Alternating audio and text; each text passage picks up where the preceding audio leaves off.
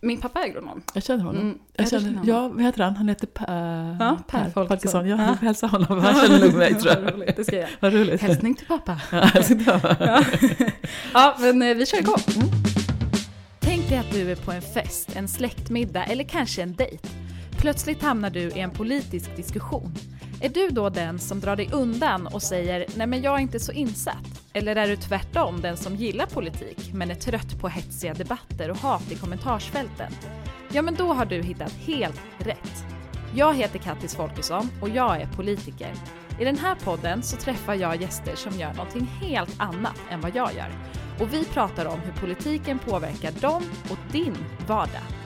Det här är Inte så insatt med mig, Kattis Folkesson. Jag har träffat en forskare, supercoolt yrke tycker jag. Det är Johanna Björklund från Örebro universitet som har gästat podden och vi pratade om mat och klimat, för det är det hon forskar om. Men vi pratade också om jättemycket annat, typ hur forskningen kan påverka politiken och hur politiken kan påverka forskningen. Jag lärde mig fantastiskt mycket i det här samtalet och jag hoppas att du också gör det. Här kommer det!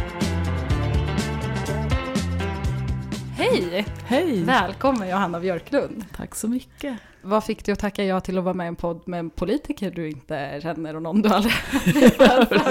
Ja, för för det är så att eh, jag är ju forskare Mm. och jag är forskare för att jag vill förändra världen. Mm. Jag vill vara med och förbättra den, det är därför jag forskar. Mm. Så det är liksom forskningen är min plattform för det. Och då behöver jag ju nå ut. Liksom. Jag, vill pra- jag vill precis som du prata med människor. Så Mm.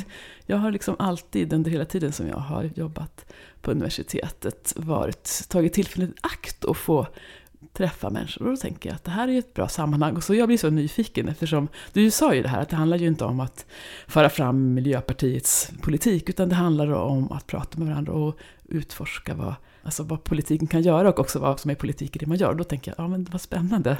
Ja. Det tycker jag också. Och just för att alltså det är ju ännu viktigare idag med de utmaningar som vi står inför. Att, att forskare är, är med i samhället och i samhällsdebatten och i, samhället, i samtalet. Så, Mm. så då tänker jag att all, jag tar alla chanser. Det här Mm. var en chans. Mm. Ja, vad roligt. Jag tycker det är superhäftigt att du är med. Du, jag bara har tänkt på en grej. När jag var barn, en forskare för mig, det var ju liksom någon i vit rock och i ett labb som står och häller saker i rör och så här. Mm. Alltså vad gör en forskare egentligen? ja, jag är så långt borta ifrån det som man kan vara. Och jag kan säga så här, jag tycker att om folk frågar mig så brukar jag säga, men jag är faktiskt ingen forskare, jag är inte något forsk- jag är ingen typisk forskare. Jag är ganska så rastlös och otålig och det ska man inte vara som forskare, man ska vara noggrann och tålmodig. Jag Eh, kan och- säga att det är jobbigt att vara politiker med ett dåligt tålamod. Jag tänker att vi alla människor forskar. Mm. Det gör man ju från när man är liten. Det är ju att undersöka hur någonting verkligen förhåller sig.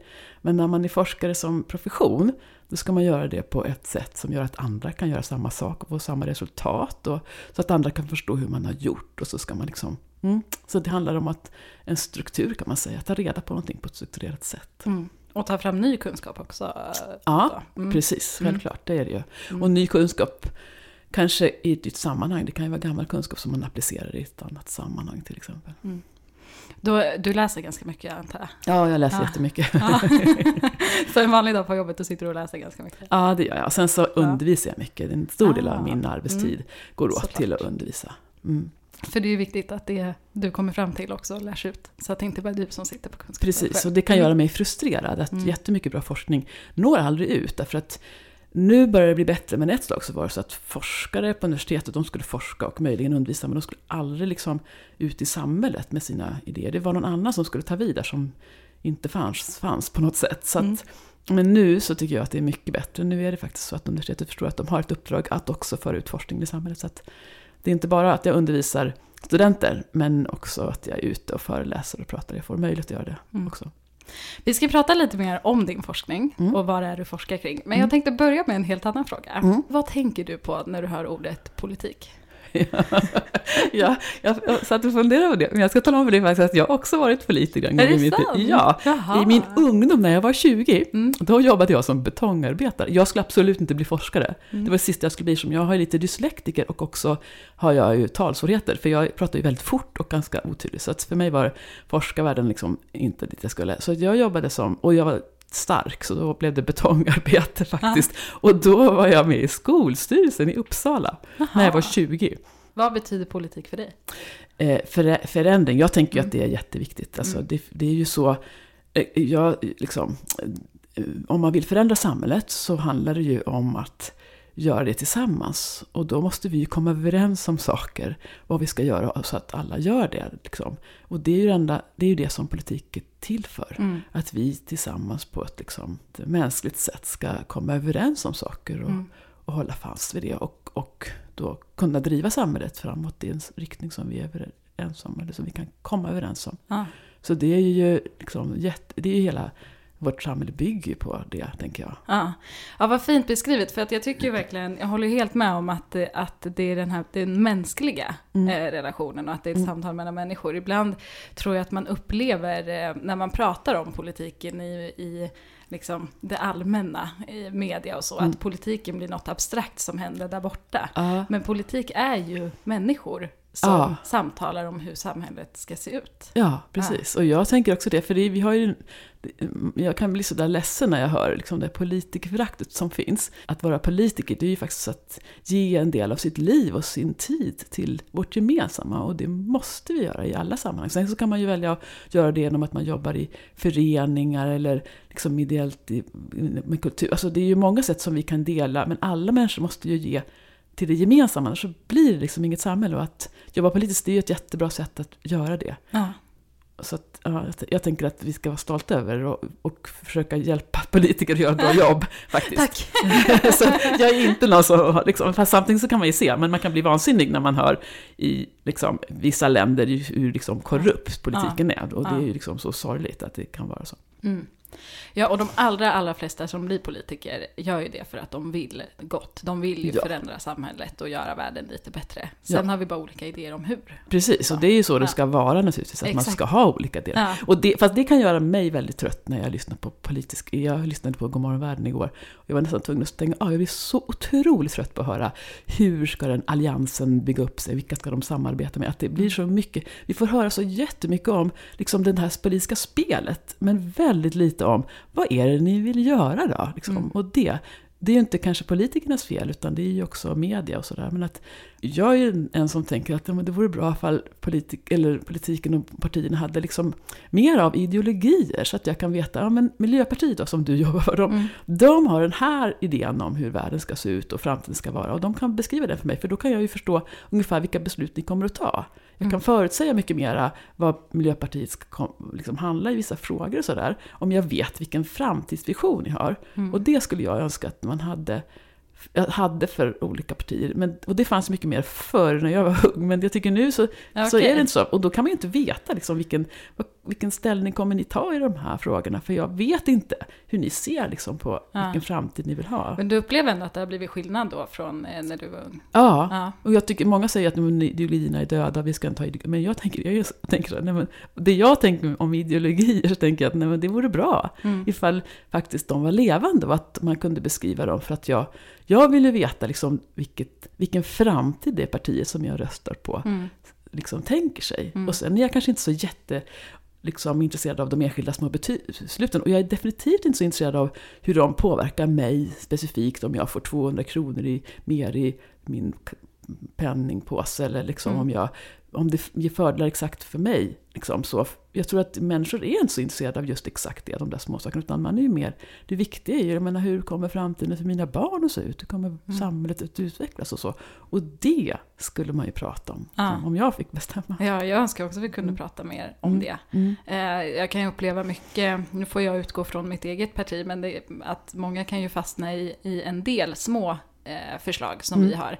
Men vi ser ju alla små bitar som en del av något större mm. eh, för att vi ska mot ett mål. Och då ska alla mm. delar av samhället hänga med. Och då kan det bli att ja, men, till exempel eh, subventioner till elcyklar, mm. att det kan få oproportionerligt stor uppmärksamhet. ja, för att för oss det är ju en viktig sak för att ställa om folks vardag, mm. absolut. Mm. Men det är ju absolut inte vårt viktigaste förslag för klimatet. Nej, och, då, och då är jag inte så intresserad av de där, just det liksom. För jag känner, men det är säkert jättebra. Ja.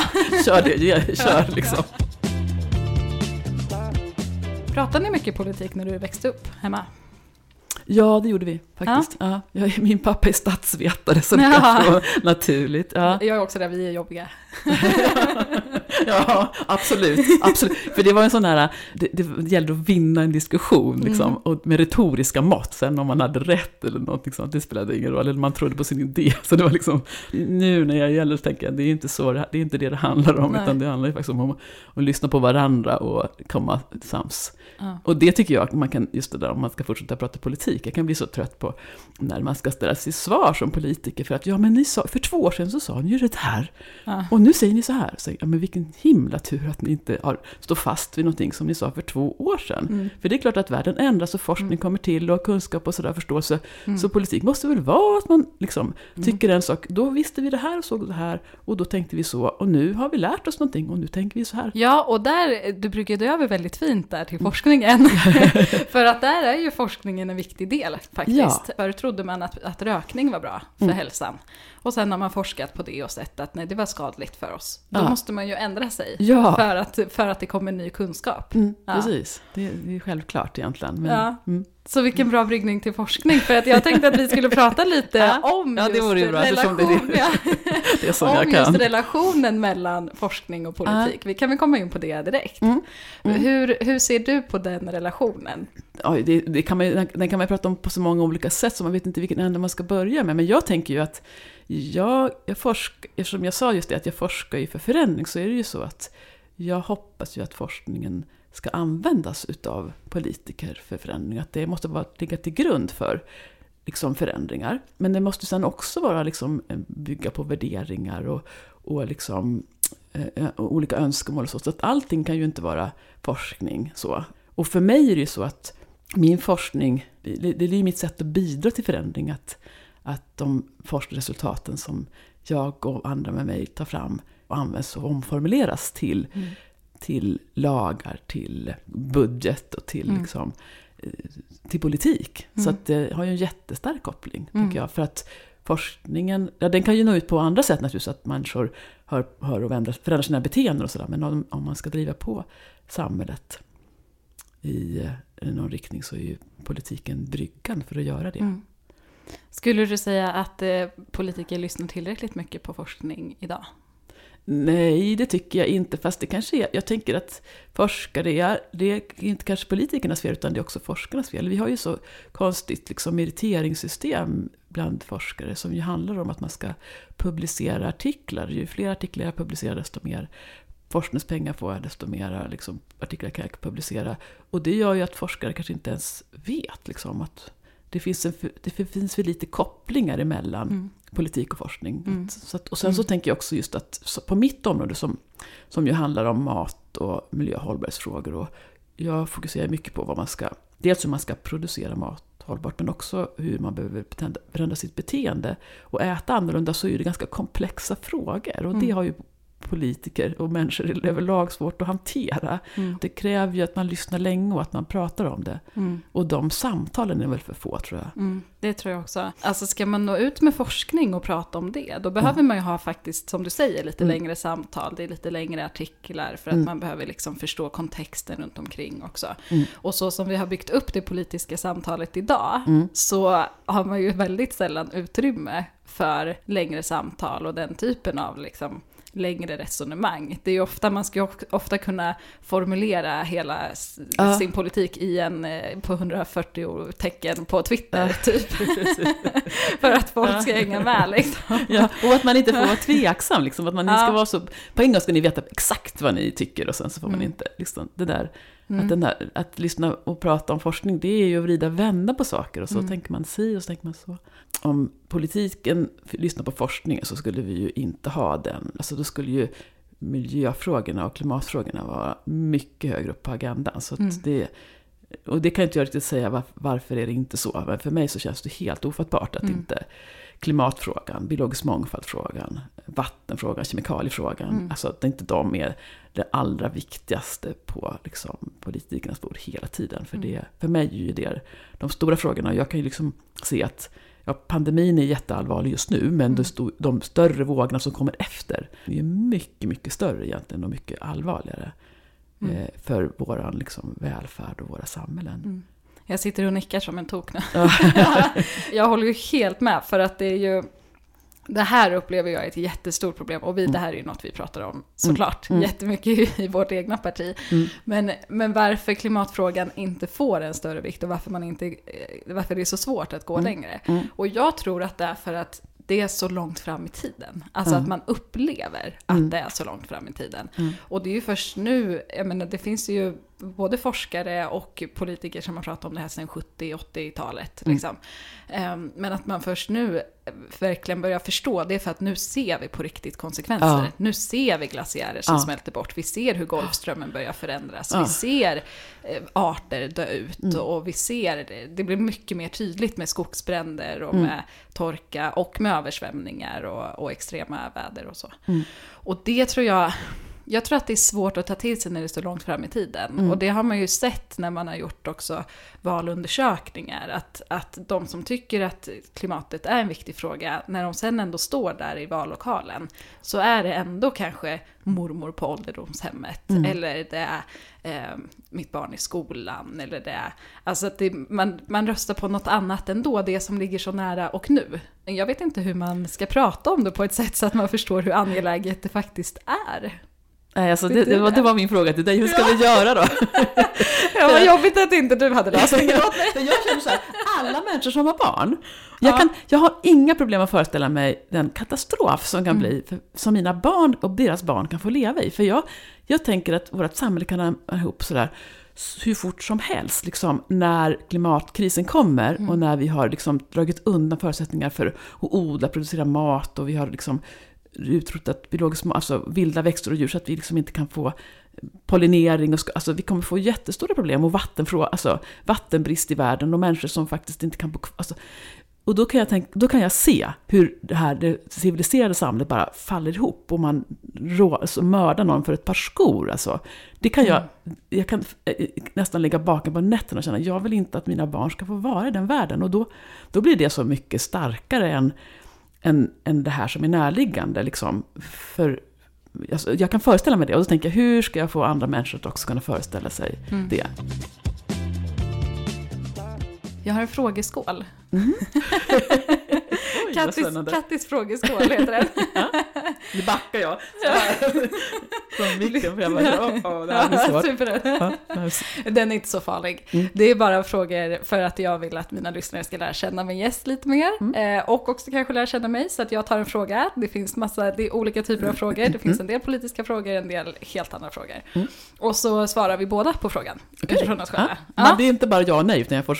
Ja, man får liksom ändå svara lite mer ordentligt. Ja, vad skönt. Okay. Mm.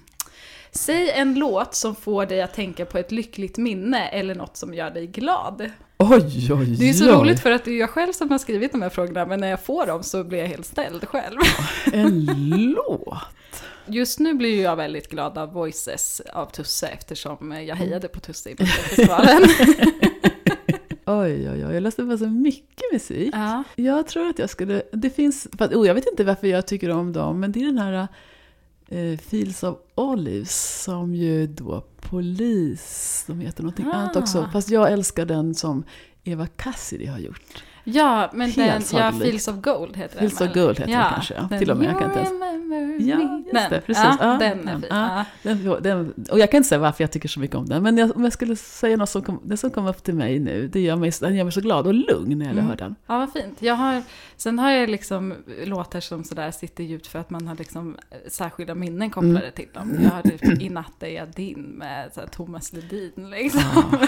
Kanske inget så här, jag lyssnar på, jag lyssnar inte så mycket på Thomas Ledin egentligen, men mm. den låten då kopplar man den till något särskilt minne. Och, ja, lite sådana låtar har jag också. Ja. Jag, har en, jag, mm. har en, jag kommer ihåg när jag ammade mina barn så, mm. så, så, så satt jag alltid och sjöng Björn Afzelius, den här Du är ja, det finaste jag har. Ja, precis, varje, då tänkte jag så, om jag sjunger det varje gång jag ammar dem, eller inte gjorde jag kanske inte varje, så kommer ni kanske få liksom en känsla av att ni är omtyckta. Och det ja. tror jag är det allra viktigaste för att en människa ska bli hel. Ja, att man känner att man faktiskt omtycks som man är. Mm. Ja. Mm. Ja, vi tar en annan. Vilket underhållningsprogram skulle du helst vara med i? Oj, jag kan inga underhållningsprogram nästan alls. Liksom. Och jag vet inte vad det är jag håller på med när andra tittar på underhållningsprogram. Så det blir svårt.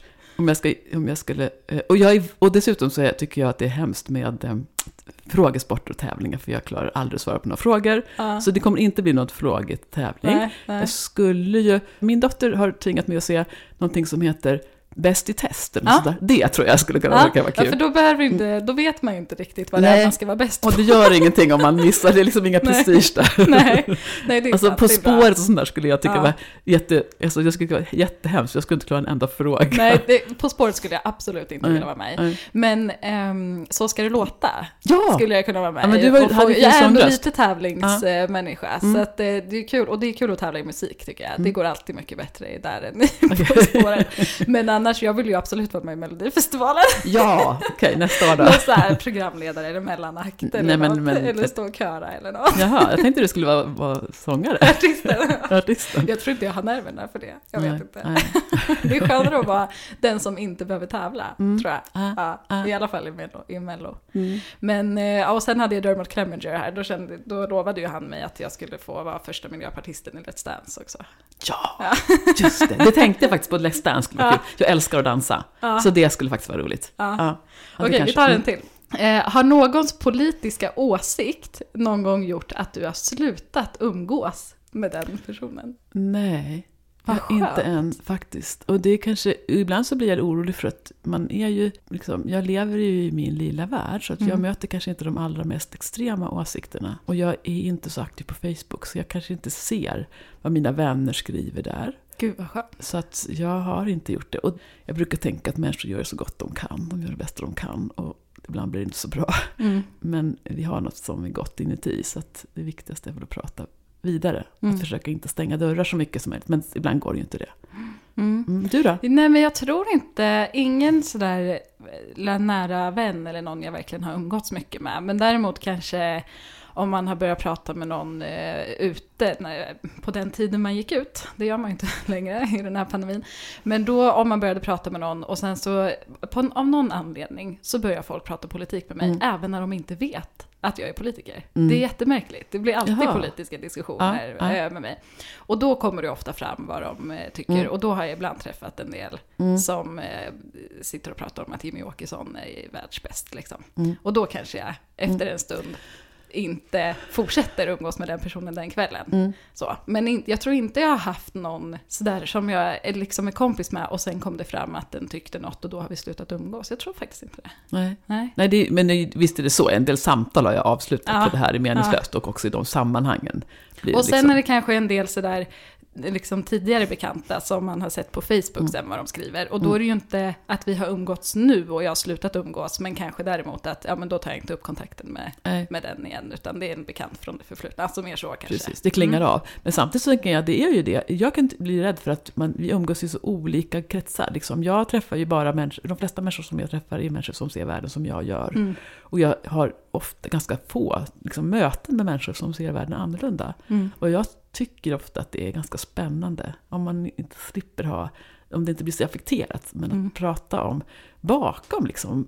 För ofta är det ju så att man har ganska logiska resonemang kring varför man tycker si eller så. Går man bakom där så hittar man ofta en gemensam liksom, kärna. Mm. Att vi, vi har, vi, om, man ha, om man går lite längre tillbaka så, så hittar man ofta det. Du lyssnar på Inte så insatt med mig, Kattis Folkesson. Vi har ju ett ganska stort problem i samhället idag med desinformation, alltså med fake news.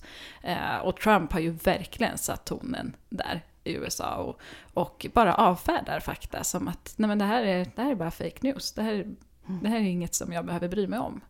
Pratar ni mycket om det i forskarvärlden? Eh, ja, det gör vi faktiskt. I alla fall bland mina kollegor så pratar vi om det. Mm. Och också att man ser en oro, verkligen.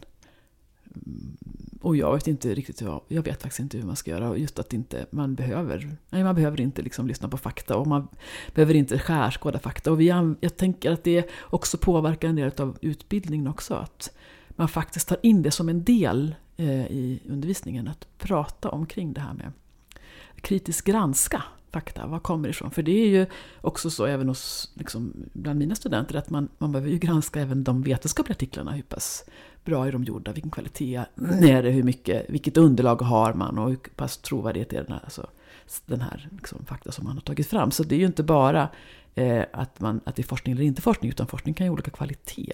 Och att kunna kritiskt granska det. Så det är faktiskt mer och mer blir det en del, utav, en del av undervisningen av studenterna, att de ska eh, få kunskap om att då värdera olika typer av fakta, värdera olika typer av forskning och också källkritik. Och i mycket högre grad så är man uppmärksam på det tror jag. Det behöver vara en del av, av liksom hela grundskolan, mycket större del. Ja, och jag vet kanske mm. inte, de kanske har det, men att man lär sig det. Ja, läroplanen har vi blivit att det är mer och mer, mm. eh, att källkritiken ska in tidigare och tidigare tror jag. Mm. Men jag tycker att det skulle behövas kanske på de som redan har gått i skolan också. Mm.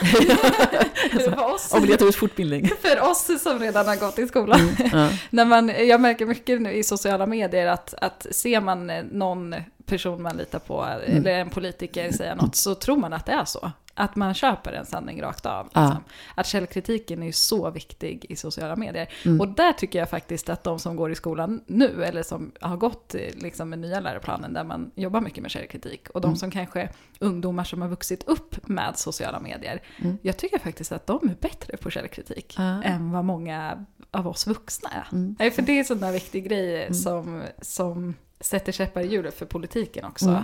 Att, att istället för att debattera åsikter och vilket samhälle man vill ha så måste man börja debattera vem som har rätt fakta. Ah. Den tycker jag kan vara jobbig i politiken, ah. att man fastnar i att men du mm. står ju och ljuger nu, det du säger stämmer ju inte. Nej. Och då kommer man inte ens vidare till ideologin. Nej. Det precis. kan vara väldigt frustrerande. Ja, precis. Mm. Och det kan ju, jag kan ju tycka det som, som forskare, just att man tror att ja, men det säger forskningen.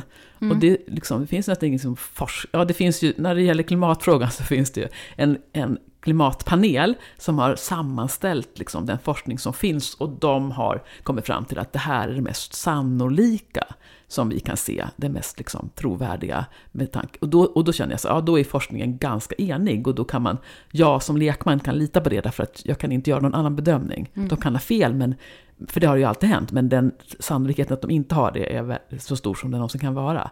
Men på de flesta frågor så är det så att det kan ju vara ganska lite forskning och forskarna är ju nästan aldrig eniga. Och det är ju mm. det som driver forskningen framåt, att, att man, in, att man liksom undersöker olika saker och till slut så kan man närma sig någonting som är mest sant, fast vi kan aldrig vara säkra på att det är sant. Men, men ju mer forskning vi har, desto mer liksom kan, vi, kan vi vara säkra på att det är en rimlig förklaring hur världen ser ut. Så, mm. så att det finns liksom så sällan någonting som forskning säger. Utan, mm. Vad intressant, då har ju vi samma problem. Mm. ja. ja, men för att politiker, vi blir ju ofta ihopbuntade som mm. politikerna. Mm. Men hela poängen med att ha en representativ demokrati, mm. alltså en demokrati där folket ska vara representerade och där vi har åtta partier i riksdagen. Hela poängen är ju att vi tycker olika. Ja, så det går ju inte att klumpa ihop oss som politikerna. Nej. Alltså nu har politikerna bestämt det här. Nej. Nej, ja, att vi har ju röstat om det, men kanske 40% röstade på något annat än mm. så som det blev. Ja, så kan det ju vara ibland. liksom. mm. Och vi, jag som politiker representerar ju de, den procent av folken som har valt mitt parti. Mm. Och sen finns det ju andra politiker som representerar den procent av befolkningen som har röstat på deras parti. Mm. Så att vi är olika, det är ju precis samma sak där. Vi är ja. ju inte eniga. Nej. Hade vi varit det så hade vi ju inte levt i en demokrati. Alltså det hade varit jättemärkligt om alla tyckte lika. Liksom. Mm. Förmodligen hade vi inte representerat befolkningen om vi tyckte precis lika. Nej, nej. Nej, precis. Och här är det mm. så, men, och då tänker jag, då behöver ju forskarna vara med sam, liksom, ute i samhället. Mm. Och också beskriva och förklara och också ett stort ansvar tycker jag som forskare att försöka byta perspektiv och ta in all forskning och att liksom verkligen, det är ju verkligen så att man behöver som forskare vara med och beskriva och förklara och sådär mm. så att man ska förstå. Ja, men och, nu, och nu har vi pratat också om hur forskarna behöver påverka politiken, men om man ska tänka, om man vänder på det mm. Hur tycker du att, hur mycket på politiken var på forskningen? Mm. För det är ju en ah. spännande ah. diskussion också med den fria, man brukar säga den fria akademin. Alltså mm. att forskningsvärlden ska vara fri, politiken ska inte styra forskningen. Mm. Mm. Eh, det är ju ett annat problem. Har du ja. några tankar där? Ja, alltså det, jag, det där, jag tycker det där är en svår fråga, för jag tycker också, det känns, det känns liksom, ja det är jätteviktigt att forskningen är fri och att forskare kan få ledas av sin nyfikenhet för att forska. Det är ju så som stora liksom, förändringar har skett och man har hittat på lösningar som man har tänkt varit helt otänkbara. Så det behöver ju vara grunden. Sen, samtidigt så tänker jag också att naturligtvis så måste man ju rikta forskningsmedel till de stora utmaningarna, de stora frågorna som vi behöver ha lö lösa. Så på något sätt så behöver ju ändå, man måste nog kanske ha en blandning. Men, men politiken får ju aldrig någonsin lägga sig i hur forskningen görs. Mm. Så att där, där går väl en gräns. Och man kan ju inte heller bestämma, vi vill ha de här resultaten, kan ni ge oss fakta som Aldrig stärker de Nej. resultaten? Så Precis. kan man absolut inte göra. Nej. Men, men om man tittar lite historiskt då, alltså där har ju ändå politiken har ju varit med och drivit fram att man ska forska om rasbiologi till exempel, mm. vilket mm. ju är en del av vår väldigt mörka historia. Mm. Det är ju ett exempel på när det kanske inte Mm. har varit så bra. Mm. Att politiken har mm. lagt sig i forskningen och använt sig av den för, ja, för rasistiska syften. Ja. Så. Och sen, jag tänker också det, just det där med, jag menar, liksom det som ledde fram till atombomben till exempel. Mm. Som ju, där, jag menar, forsknings, forskning är ju, att ta reda på saker och lära sig saker är i grunden någonting som är gott och bra. Mm. Men sen är det ju liksom hur det används och vilket ansvar har forskarna för det. Liksom. Mm. Och det är väl det viktiga med just att, och det brukar jag tänka när man pratar om hållbar utveckling så är det så att men man brukar ju prata om tre liksom, områden. Ekologisk hållbarhet, de här gränserna som vi måste hålla oss inom för att vi ska kunna leva liksom, på planeten tryggt. Och sen så är det den sociala hållbarheten. Och, och sen man, pratar man också om ekonomisk hållbarhet. Och då tänker jag, liksom, den här ekologiska hållbarheten, den är ju liksom forskningsbaserad. Det är liksom, vi kan inte förhandla med naturen, utan vi kan studera och lära oss om vad är det för gränser som vi behöver hålla oss inom, för att annars så kommer vi inte kunna få mat och vatten och, och ett klimat som vi kan mm, liksom överleva i det finns ingen förhandlingsmål där, utan det är bara att lära sig att förstå. Här behövs det forsknings, evidensforskningsstöd. Mm. Eh, men den sociala hållbarheten, den är ju på ett helt annat sätt. Den behöver ju också forskning, för man behöver forskning som stöd för att förstå hur olika beslut påverkar människors liv till exempel. Och och, och, och, och, alltså, hälsoaspekter. Det finns jättemycket forskning som behövs göras. Men vad vi vill, vad vi tänker, vad vi tänker är ett gott liv. Mm. Det är ingen forskningsfråga. Utan mm. Det är faktiskt en fråga som är som en subjektiv fråga som människor kan ha olika åsikter om. Och vi kan forska om vilka åsikter människor har. Men vi mm. kan inte besluta det baserat på forskning. Utan det är något helt annat. Det är en förhandling mm. mellan olika människors liksom, önskemål och, och, och, och viljor. Och sen är det då en ekonomisk hållbarhet som jag ser ju kanske som inte något mål utan däremot ett medel, ett sätt att nå social liksom, välfärd och ekologisk hållbarhet och så. Så att, då kan man säga att men, politiken rör sig mellan de där fälten och då behöver mm. de ta forskning för att liksom, ge understöd till sina beslut. Men mm. samtidigt måste man väga ihop dem med liksom, människors önskor och viljor. Mm. Ja, för det är ju någonting, om man ska prata om varför politiken inte, för då kan man ju tänka så här, men varför gör politiken inte alltid bara som forskningen säger? Mm. Alltså gör, ta forskningen rakt av och bara genomför. Men det går ju inte riktigt heller, för där mm. kommer ju politikens roll, våran roll är ju inte att vara experter. Eh, och jag tycker inte att politiker ska vara experter heller. Utan vi kommer in med, med idéer om hur samhället ska se ut och med ideologiska grunder. Liksom. Mm. Och det vi behöver tänka på när vi får in forskning är ju hur påverkar det här människor? Mm. Det är ju vår roll. Det här är ju det som jag tycker är så svårt från forskningens håll. Mm.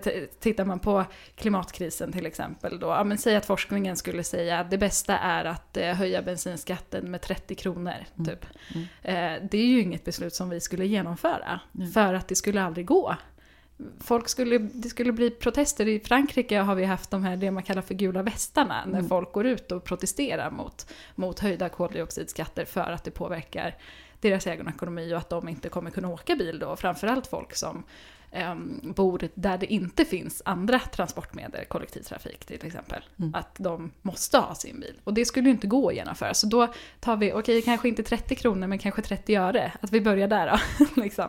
Att man får ta det steg för steg. Mm. Och det är en sån där utmaning för politiken att liksom lyssna på forskningen men också lyssna på folket och väga de där två hela tiden och balansera. Mm. Mm. Och det kan ju vara så frustrerande för mig som forskare som ser att det räcker inte, det räcker inte och vi kommer bli varse det för sent. Men problemet som jag ser är väl också det att man, är, man som politiker måste bli sitta kvar vid makten. Annars kan man ju inte, på, annars kan man ju inte genomdriva sin politik på lång sikt. Och att klimatfrågan har ju varit så långsiktig och beslut som behöver, liksom, behöver de är ganska obekväma just nu. Mm. Och då blir man ju bortröstad. Att liksom, politiken är inte gjord för att hantera sådana här stora långsiktiga frågor. Mm. Så det är tur att man nu har en klimatlag som ju gör att man faktiskt kan få någon sorts kontinuitet. Det är mm. så att hantera det. Men... Ska vi komma ihåg vem som har genomfört den där klimatlagen? Okay. Visst vet inte Miljöpartiet. nej, jag ska inte göra reklam för oss här nu, men...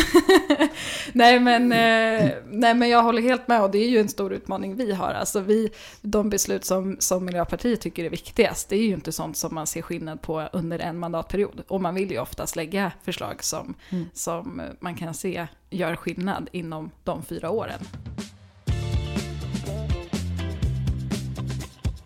Men du ska få berätta om din eh, forskning. Det är ju det, därför du är här. Ja, jag, jag det är det jag tycker är det mest spännande. jag tänkte att man är så lite ovan vid det för att jag känner att jag ofta, eller jag tänker att jag är noga med att det är ju min forskning jag ska prata om, för det är det jag kan säga någonting om. Det här ja. blir ju ett samtal som jag ibland, jag är ju tyckare som vem som helst annan. Ja. För ofta, det kan också göra mig lite upprörd ibland, att om man liksom, är man forskare, om man som jag är docent, eller om man är professor, då kan mm. man uttrycka sig ved, liksom, vederhäftigt i alla sorts frågor, men egentligen är det ju inte så att jag, när vi pratar om om det som vi har pratat om, om forskningens mm. relation till politik, så har ju jag en åsikt och en synpunkt som ju inte är grundad i min forskning. Så jag är mm. ju, liksom, min trovärdighet är ju lika väl som vem som helst annars. Men mm. det kanske kan vara intressant ändå, för jag har ju tänkt på det eftersom jag, jag är forskare. Det är jätteintressant. Men när det gäller vad jag, vad jag gör, vad det är jag ja, som har frågat. Ja, berätta om din forskning. Ja, jag har ju också då, eftersom jag, vill, jag blev forskare för att jag vill förändra världen. Jag vill att, och jag tänker att forskning är så viktig, vi behöver ha kunskap för att göra kloka, ta kloka beslut.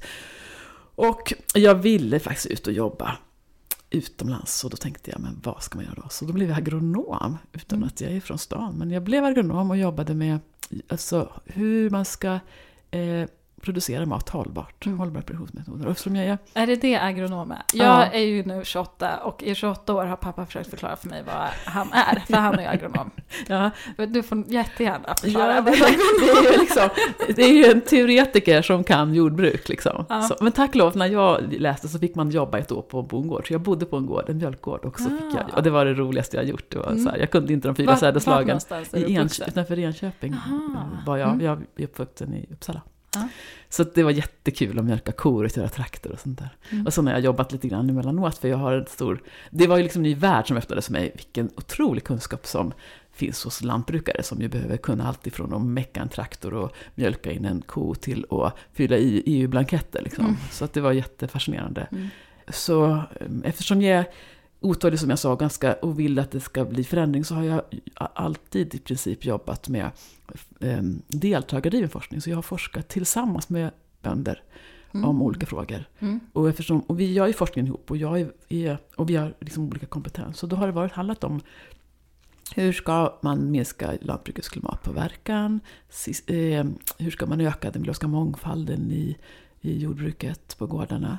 Och det sista projektet som jag jobbade med och som jag jobbar med lite grann nu fortfarande, det handlar om agroforestry, alltså mera mm. perennodling. Mera Vad betyder det? Ja, det är alltså att man har träd och buskar i odlingen och äter mer ifrån sådana liksom, träd och buskar. Därför att det är de mest hållbara systemen. För det är ju, träden är ju helt fantastiska eftersom de kan, det handlar ju om att samla solenergi ja. och samla in kol. Och, och jag då, nu skäms jag lite eftersom min släkt, jag har bönder i min släkt, men, mm. men om, om det inte är träd och buskar, då är det alltså att man gräver ner i marken. Att man odlar i marken? Ja, eller? ettåriga grödor. Att man, ja. man, man plöjer och så, så sår man någonting och så ja. plöjer man igen. Mm. Och då vänder man ju om all jorden och det blir, dels blir det mycket liksom, klimatpåverkan utav det. Att, att koldioxid frigörs. Och sen så krävs det mycket diesel, mycket liksom, mm. resurser för att göra det här. Att om man kan äta från vildmat till exempel, eller äta från sånt som växer år från år, mm. så kan ju det eh, minska det i resursanvändningen och också är det ju liksom en, om man odlar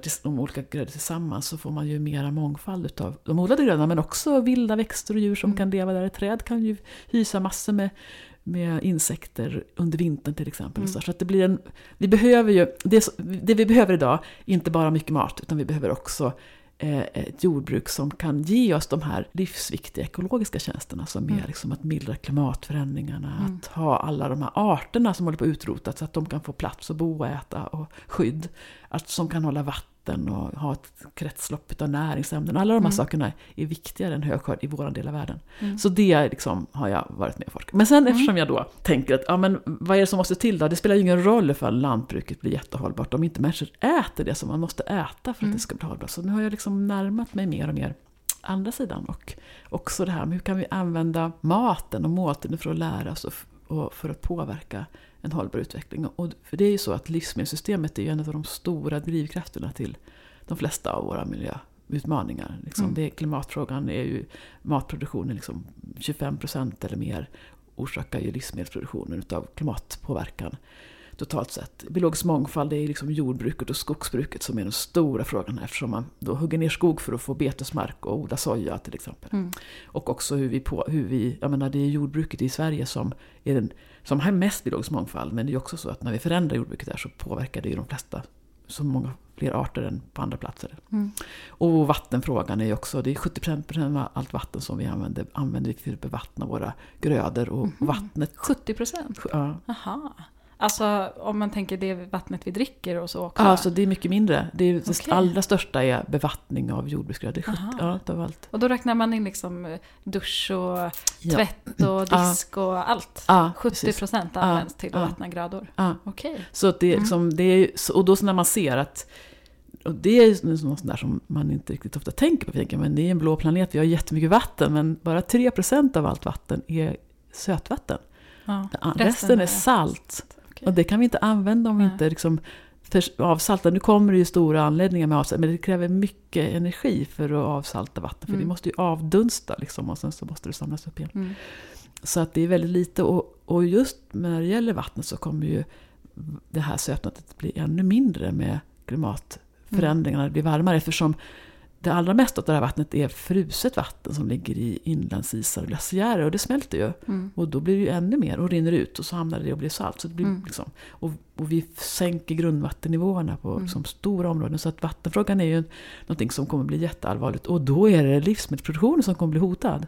Så jag kan ju tänka så när jag går och handlar, att när jag köper citroner från Israel eller södra Spanien eller liksom meloner. Alltså, när, hur, hur smart är det att jag då som kommer från ett land som har gott om vatten och förmodligen kommer att få relativt gott, jämförelsevis gott om vatten, även om det blir lite varmare, köper mat från ett land som behöver ha sitt vatten själv för att kunna Mm. liksom, försörja sig. Och att, Just det, för då tänker du, då har deras vatten gått till citronerna som Ja, du köper. precis.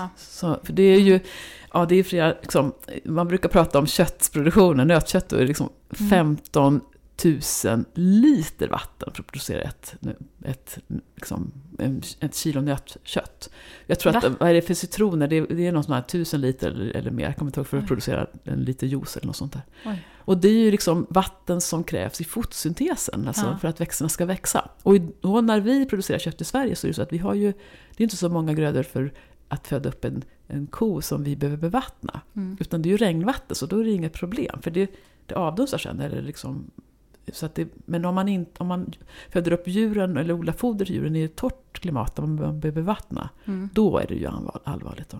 Så att om man eh, tänker med kött, då är det ju inte liksom djuren i sig, utan det är det djuren äter Ja, som är precis. problemet. Det beror alldeles på vad man föder upp dem. Om man, svenskt kött är det ju inga problem att Nej. äta. För det, det går åt. Det, så det behövs 15 ton eller 15 000 liter vatten Mm. för att producera till nötkött. Men det allra mesta av det här vattnet är vatten som liksom in, det är inte bevattningsvatten. Utan Okej. de äter spannmål och de Mm. äter gräs. Och det är, ju naturligt vatten som Mm. regnvatten. Men sen kan man ju köpa in lite soja och det kan ju möj- möjligen Mm. bevattnas då. Men, så det är värre och mycket värre att äta nötter.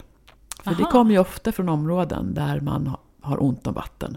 Och där man då behöver bevattna mycket. Så det var ju till exempel när man äter mandel från Kalifornien så är det Ja. ju jättemycket vatten som kommer från floder som aldrig når havet för att man tar allt Ja. vatten. Så, så det är mycket större problem egentligen. Så att man måste hålla rätt på var vattnet ja, kommer verkligen. ifrån. Jag känner att det, det, snurrar i huvudet nu. Ja men det är så här komplext som mat är. Liksom. Men, men om man tänker då soj, sojaprotein, Mm. eh, för om man inte äter kött så är det ju många som äter sojafärs istället för köttfärs då.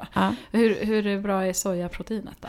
Ja, då kan, ja, då kan man ju säga så här, ja, men om man tänker sig att man stoppar sojan först, för, för den köttet som vi äter, de flesta av våra djur äter soja, både Mm. gris och höns och kor. Och då om man stoppar det vid djuren först, eller om man äter det direkt, spelar inte så, så stor roll i det Mm. fallet. Utan, Okej. utan, och, och Så det viktiga är ju att sojan faktiskt är eh, miljöcertifierad. Att den Okej. är ekologisk eller liksom inte har bidragit till att man går ner regnskog. Men när det gäller vatten om man ska, så Mm. brukar man prata om grönt och blått och grått vatten. Aha. Och det är viktigt att hålla rätt på. Okej. Det gröna vattnet är det vattnet som är regnvatten som liksom går igen, tas upp av växterna och så är vattnet transpireras och svettas växterna Mm. ut igen. Och Det det är, är liksom som den inga här, problem. den här sången man lärde sig som barn. Nej. Vattenmål som faller ner som regn och snö. Har du inte hört den? Nej. Nej. Den förklarar i alla fall vattnets det. kretslopp. Ja, ja, men det, är liksom, det kommer aldrig bli grundvatten utan det tas upp av växterna igen och så, Ja. sen så kommer det upp i moln och så regnar det ner. Så det är liksom Ja, inte exakt, något... det bara går bara Ja, runt, precis. Och vi har ju ett överskott av vatten. Vi har ju mycket regn så vi har ju liksom... Och så de flesta jordgubbsgrödor de behöver ju inte bevattnas. Mm. Men det, det, så det är det gröna vattnet. Det blå vattnet är det som kommer liksom, sen då regna ner och blir grundvatten eller, eller floder och bäckar och sånt där. Och som man använder att bevattna. Mm. Så det, och det vattnet är ju liksom, kan man tömma. De liksom grundvattenmål kan man sänka och man kan tömma floder och sånt där. Mm. Så, så det är viktigt att rätt på. Hur mycket blått vatten har det gått åt Okej. för att... Och så pratar man också om grått vatten och det är vatten det som är förorenat. Aha, Så det är sånt okej. som man, så att det behöver man Mm. också hålla rätt på. Men, så därför så kan man inte säga bara, ja men det är 15 ton vatten för att producera ett kilo nötkött. Ja, det beror ju på faktiskt var här, var fodret som det här djuret har producerats någonstans. Var Mm. det, liksom, hur mycket va- vattningsvatten som har gått åt då, eller krävts. Är det det man menar då med att det är bättre med närproducerat kött? Mm. Alltså med typ svenskt kött än med annat kött? Ja, det finns många anledningar till det. Ja. Och en av anledningarna är ju det att om, men då behöver det ju vara närproducerat kött med, från djur som har ätit svenskt foder och helst då inte soja. För jag Mm. tänker ju att det, vi kan producera proteinfoder som ju då sojat är med svenska produkter med liksom åkerbönor och ärtor Mm. och sådana saker som vi kan producera här. Mm. Men sen är det ju också många saker med närproducerat kött. Det är ju dels också att vi får ett vackert landskap. Mm. Om, kötten, om djuren har varit ute och betat så får vi också vilda växter och djur, mycket biologisk mångfald. För det, de trivs ju där det går djur och betar. Mm. Och, eh, så det är viktigt. Och sen är det ju också den svenska djurvälfärden, att vi har en väldigt stark djurskyddslagstiftning jämförelsevis jämfört med med många andra. Ja, så det Mm. finns många anledningar att köpa svenskt kött. Och antibiotikan också. Yes. Vi är ju mycket hårdare med antibiotika Ja. i Sverige än i andra länder. Ja. Jag läste att Örebro universitet har fått 48 miljoner till att forska om växtbaserat protein. Mm. Är du inblandad i det? Nej, det är Nej. jag inte. Nej. Nej. Okej. Nej. Men det är häftigt tycker jag. Jättebra, Ja. jätteviktigt Att få Mm. protein från Ja. växter istället för från, eh, från djur. Ja. Mm. Absolut, och det är jätteviktigt. Och den omställningen behöver, jag, behöver vi göra, för oavsett om vi kan, kan äta en viss mängd kött, alltså om man tittar på rent liksom forskningsmässigt, om man tittar på det här med liksom att äta kött eller inte, Mm. så kan man ju eh, ur vetenskapligt perspektiv säga att ja, men när, om vi vill ha mycket, kött, mycket mat i världen, Mm. så kan vi, får vi mer mat om vi också äter kött. Mm. Men det är helt avgörande var vi har, vilka ytor vi används för att liksom, producera det här köttet. Mm. Som idag när våra djur äter mest spannmål och andra, andra grödor som har odlats och producerat på åkermark. Mm. Då konkurrerar de ju med oss om Mm. föda så att vi får mindre mat eftersom det går åt en massa energi Just för det. att bygga de här kropparna. Mm. Så skulle det vara mycket mer energieffektivt om vi åt maten från åkermarken Just det, direkt. att vi odlar på åkermarken då. Ja. Mm. Men, men däremot så kan, de, så kan de ju samla in mat ifrån Ja. områden som vi inte kan odla på, som Ja. betesmarker. Ja. Och då får vi ju mera mat. Så att liksom. utnyttja betesmark. Eh, Men sen ska man ju bygga någonstans också. Det där är en annan, eh, när vi, när vi växer som städer och man ska bygga, bygga hus någonstans Ja, också. inte på åkermark Inte säger på, jag. nej, och det säger jag med. Inte på åkermark, men man vill ändå ha lite betesmark till djuren då. Mm. Och så vill man bevara skog. Ja, Mm. det vi har, men det, det får, får vi i politiken ta tag i. Mm. Om det nu är någon som känner att jag vill äta mer hållbart, men jag vet inte vart jag ska börja riktigt. Mm. Har du så tre konkreta tips till den som vill äta mer hållbart? Ja, då skulle jag börja. Det första tipset är, eh, var noga med att inte släng mat. Ät Mm. upp maten som du köper. Det andra som jag ska säga är, eh, minska mängden kött som du äter. Och det köttet som du köper, ska du välja med omsorg. Då ska du köpa närodlat kött och naturbeteskött, sånt som har ätit mest gräs. Och det andra skulle jag säga är, jag skulle säga köp närodlad mat Mm. om du kan, och också ekologiskt. Mm. Därför att eh, då kan du påverka Mm. han, när du köper av en lantbrukare som bor i din närhet så kan du lättare påverka det. Och också driva det till att faktiskt det blir mer ekologiskt. För en jätteviktig sak med ekologisk produktion är ju faktiskt att man inte använder bekämpningsmedel. Mm. Och det ökar den biologiska mångfalden och det är jätteviktigt nu. Och det kan man påverka. Så släng mindre mat, Mm. eller släng inte mat Mm. kanske. Mm. Mindre kött Ja. och mer närodlat och Ja. ekologiskt. Ja. Bra! Jag läste också att du har jobbat med skolmat. Mm. Mm. Berätta lite om det. Ja, och det är faktiskt det som jag jobbar med mest nu. Mm. Och det beror ju på att jag ser ju att eftersom livsmedelssystemet är en stor del av liksom alla problemen, eller att, att, att en orsak till en stor del av alla de utmaningar som vi har, så är det ju också en del av lösningen. Så att, att skolmaten, eller maten, kan ju vara en början, en inkörsport till liksom att, att, att förstå och arbeta och få engagemang för miljöfrågor. Och det har jag sett när jag har jobbat med studenter. Jag tänker att de måste förstå att det är så allvarligt som det är. Mm. Så vi pratar klimatfrågan, vi pratar biologisk mångfald, vi pratar om vatten. På vilket program är det här? det, det är måltidsekologprogrammet, det. Mm.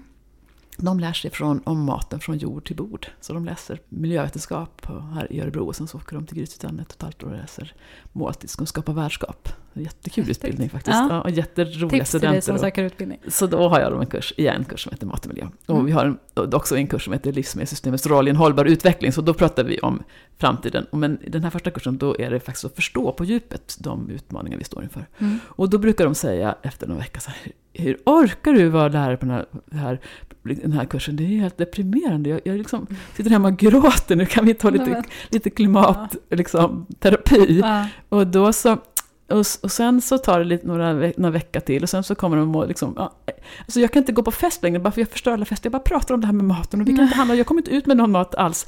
Och så börjar de liksom få ett engagemang och sen till slut så, så jag följer dem ju också eh, under utbildningen. Efterhand liksom, så hittar de ju sin väg och förstår att, att det är ju all, det är allvarligt, men det finns en lösning. Det är Mm. möjligt, liksom, och maten är en jätteviktig del. Eftersom alla människor äter, alla människor har en relation till mat och vi Mm. väljer mat varje dag så kan man liksom göra ganska stor skillnad genom att välja annorlunda och så kan man börja i den änden och börja prata om det. Så att, och sen hinner de nästan inte läsa utbildningen för att de håller på att göra projekt vid sidan av och de är ute och prata, föreläsa och liksom bidra. Och då Ja, tänker jag, häftigt. vilken kraft det är. Mm. Och sen har jag varit med och tittat på hur, hur och följeforskat i projekt där man har jobbat med måltidsverksamheten med personalen där och också hur man då sätter upp menyer och sånt där och ser liksom, I skolan då? Ja, i skolan. Ja. Och det är Mm. liksom helt fantastiskt vilket, Mm. vilken kunskap och vilket engagemang Mm. det är. Och utifrån det då så säger de att ja, men nu kan inte vi göra något mer med skolmaten, för det, liksom, eller med menyn, för att nu måste lärarna vara med. Nu måste liksom, för annars så, vi, det handlar ju mycket om att lägga om till vegetarisk mat. Och, och då, ja, det är ett stort område, men jag tänker då, man kan inte, serverar man väldigt annorlunda mat i skolan mot vad man äter hemma så är det inte gott. Det spelar ingen roll hur god vegetarisk mat man serverar om inte man är van. Alltså, Mm. Vad vi äter är så kulturellt betingat. Så att det måste liksom, de måste förbereda sig på annan typ av mat. Mm. Så då väcktes min liksom, intresse och idé om, jag menar, om det nu är så att, skol, att måltid och mat är ett- en väg in att förstå de stora globala miljöproblemen och hantera dem. Och också det är viktigt att, att vi jobbar med dem i skolan för att barnen ska förstå och äta annorlunda liksom, och ändra sina, sina matvanor och så. Mm. Så kanske det är just att genom skolmaten att vi kan faktiskt lära oss om hållbar utveckling. Och att Mm. vi också kan använda skolmaten till att få sådana nyckelkompetenser för hållbar utveckling. Att, att, alltså, för det handlar ju jättemycket om mycket mer om det som vi har varit inne och pratat om idag. Just att det inte Mm. bara är om fakta utan det handlar Mm. om förhandling, om att byta perspektiv, om att Mm. förstå liksom, olika människors liksom, utgångspunkter och värderingar och liksom, normer och, och strategi och, och, så, och förmåga att förutse och sådana saker. Så Mm. det är en helt annan typ av kompetens. Och det, att jobba med någonting som är så nära barnen och som alla har relation till i undervisningen kan vara ett hjälpmedel att liksom då jobba för hållbar utveckling. Mm. Så det gör jag. Och då, Mm. då har jag varit eh, och ja, följeforskat tillsammans med lärare på bland annat i Laxå Mm. kommun, Finnerödskolan, där vi har tittat på hur man kan använda maten didaktiskt liksom, i undervisningen. Ja, Så kul. jättespännande. Så jag. Ja. Precis nu så har jag lämnat in manus till en, en lärobok som lärare Aha. ska kunna använda för att, Wow. att eh, jobba med de här frågorna. För det jag ser Ja. det är ju att lärare behöver ha kunskap om miljö och hållbarhetsfrågor. Mm. Och sen så behöver man ha liksom tid att jobba tvärvetenskapligt och, och också bygga upp samarbete med måltidsverksamheten. Mm. Ja, vad Så häftigt. mm. Bra. Mm. Som skolpolitiker blir jag jätteglad. Ja, Ja. ja, jag tänker, och där har du faktiskt en uppgift faktiskt. Ja. För det är ju det, att målsverksamheten, de har ju jobbat mycket miljö, med miljöfrågor och hållbarhetsfrågor och miljö. Liksom. De är där Mm. och är intresserade. Men eh, lärare, lärare och skolledning har inte förstått vilken resurs skolmaten är. Okej. Vi lägger ju mer Mm. pengar på skolmåltiderna än vi lägger på läromedel. Mm. Men man ser det bara som ett sätt att få i sig näring så att man ska orka med skoldagen. Mm. Men att jobba med utgångspunkt från maten är ju, och det är ju liksom en del av hela, hela skolan. Så att, Att liksom använda maten i un- undervisningen Ja, på något precis. sätt, i lärandet. ja, precis. Ja. Så i, det Mm. de har gjort i Laxå, det är att de har, gjort, de har låtit eleverna vara med i matsalen eh, och laga maten. Så då har de fått laga Jaha. den vegetariska maten. Okej. Och sen har de gått ut och bjudit på den i sina klasser. Aha. Vilket gör ju att de äter vegetarisk mat där. Ja.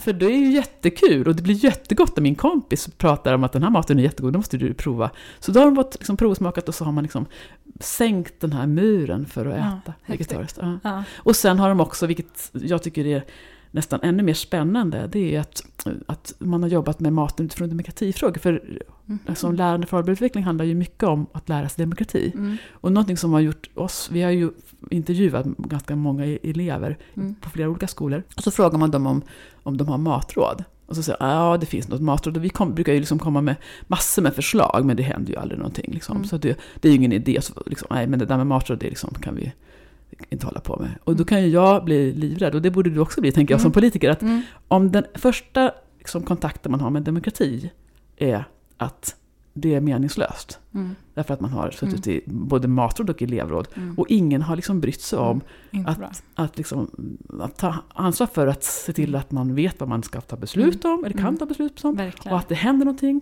Då blir det ju så att då känner man att demokrati, det är inget som jag ska ägna mitt liv åt. Det är nästan bättre att man inte har några matlåd om man inte gör det på rätt sätt. ja. Och jag kan ju se att det skulle ju vara fantastiskt om man i de matråden liksom verkligen kunde få lära sig att hur går demokrati till och Mm. det går att förändra. För vilken kraft om man lämnar skolan och känner att jag vet faktiskt hur man kan arbeta demokratiskt för förändring. Mm. Så då har vi börjat med att de får i Laxå tillsammans med, och det är måltidschefen där som är Eva Sjögren som jag vill, vill höja. För hon har varit, verkligen varit så här eh, en eldsjäl för att jobba med att de ska förstå vad, de här, vad man kan ta beslut om. Och sen har eleverna fått göra egna veckomenyer. Aha. Och då är det inte bara önskelistor, utan då har de fått lära sig utav måltidsverksamheten. Vad är det som en meny för en skola behöver uppfylla? Mm. I form av bu- budget, hälsa till exempel, och hur kan man, kan, vad kan man tillaga i ett, ett kök till exempel. Mm. Så utifrån det då, den kunskapen, så har de fått gjort en meny för en vecka. Mm. Och sen så har de fått lämna in den och så har de fått synpunkter på den. Och så, men det här, det här funkar bra, men det här, kan inte ändra det här lite grann? Och så kommenterat. Och så fick de tillbaka den. Och så när man är överens om den så Mm. har den serverats i skolan. För förra veckan så var det se, årskurs 6, Finnrydas skolan, deras meny som serverades i hela Laxå kommun. Oj, jaha, inte bara hela skolan? Nej, utan hela kommunen. Laxå kommun. Och, då, Wow, och, det, är- och det, den känslan, när de då har, liksom den kunskap som de har fått, och, och det där kan man ju utveckla mycket som helst, att de Mm. lär sig om klimat, alltså räkna klimatpåverkan och mäta Mm. svinn och sådana saker. Men vilken stolthet när Mm. man har lyckats göra en, en Mm. meny som verkligen har... Så att ett sånt arbete tänker jag skulle Mm. vara. Men då kräver det ju att man samarbetar. Mm. Vad häftigt, det var roligt. Vi skulle kunna prata säkert en timme till, men vi har redan pratat hur länge som helst. Ja. jag brukar bara avsluta med lite så här för att väcka hjärnan. Mm. Eh, tänk snabbt, Mm. heter det här. Ja. Och jag kommer säga det här eller det här. Mm. Och så säger du bara jättesnabbt vilken eh, du föredrar. Mm. Mm. Höst eller vår? Höst, så det kan du stjärna. Förrätt eller efterrätt? Efterrätt är lätt. Komedi eller skräck? Komedi. Närodlat eller ekologiskt? Närodlat. Forskning eller politik? Forskning. Vem vinner Eurovision? det vet jag redan. Nej, men Eurovision! Så jag, förlåt, förlåt, förlåt, förlåt. Sverige Ja, Sverige, såklart! såklart. Hej Tusse! Eh, vad för en avslutning med en mening. Säg till mina ly- lyssnare, varför ska man rösta? Det ska man göra för att vara med och påverka vår framtid. Jättebra. Tusen tack för att du kom hit Johanna. Tack. Ja, jag sa ju att du skulle lära dig massor. Det gjorde i alla fall jag. Jag tyckte det här var ett jättespännande samtal och otroligt lärorikt. Och jag tycker också att Johanna var så himla pedagogisk och bra. Jag förstod verkligen vad hon pratade om. Och det kan jag ärligt säga att jag förstår faktiskt inte vad alla forskare snackar om. Men Johanna förstod jag väldigt bra och det var jätteroligt att träffa henne. Eh, kom ihåg att följa podden på Instagram, tipsa kompisar, vänner, släkt, kollegor, allihopa om att lyssna och så hörs vi i nästa avsnitt. Tack för idag! Du har lyssnat på Inte så insatt med mig, Kattis Folkesson.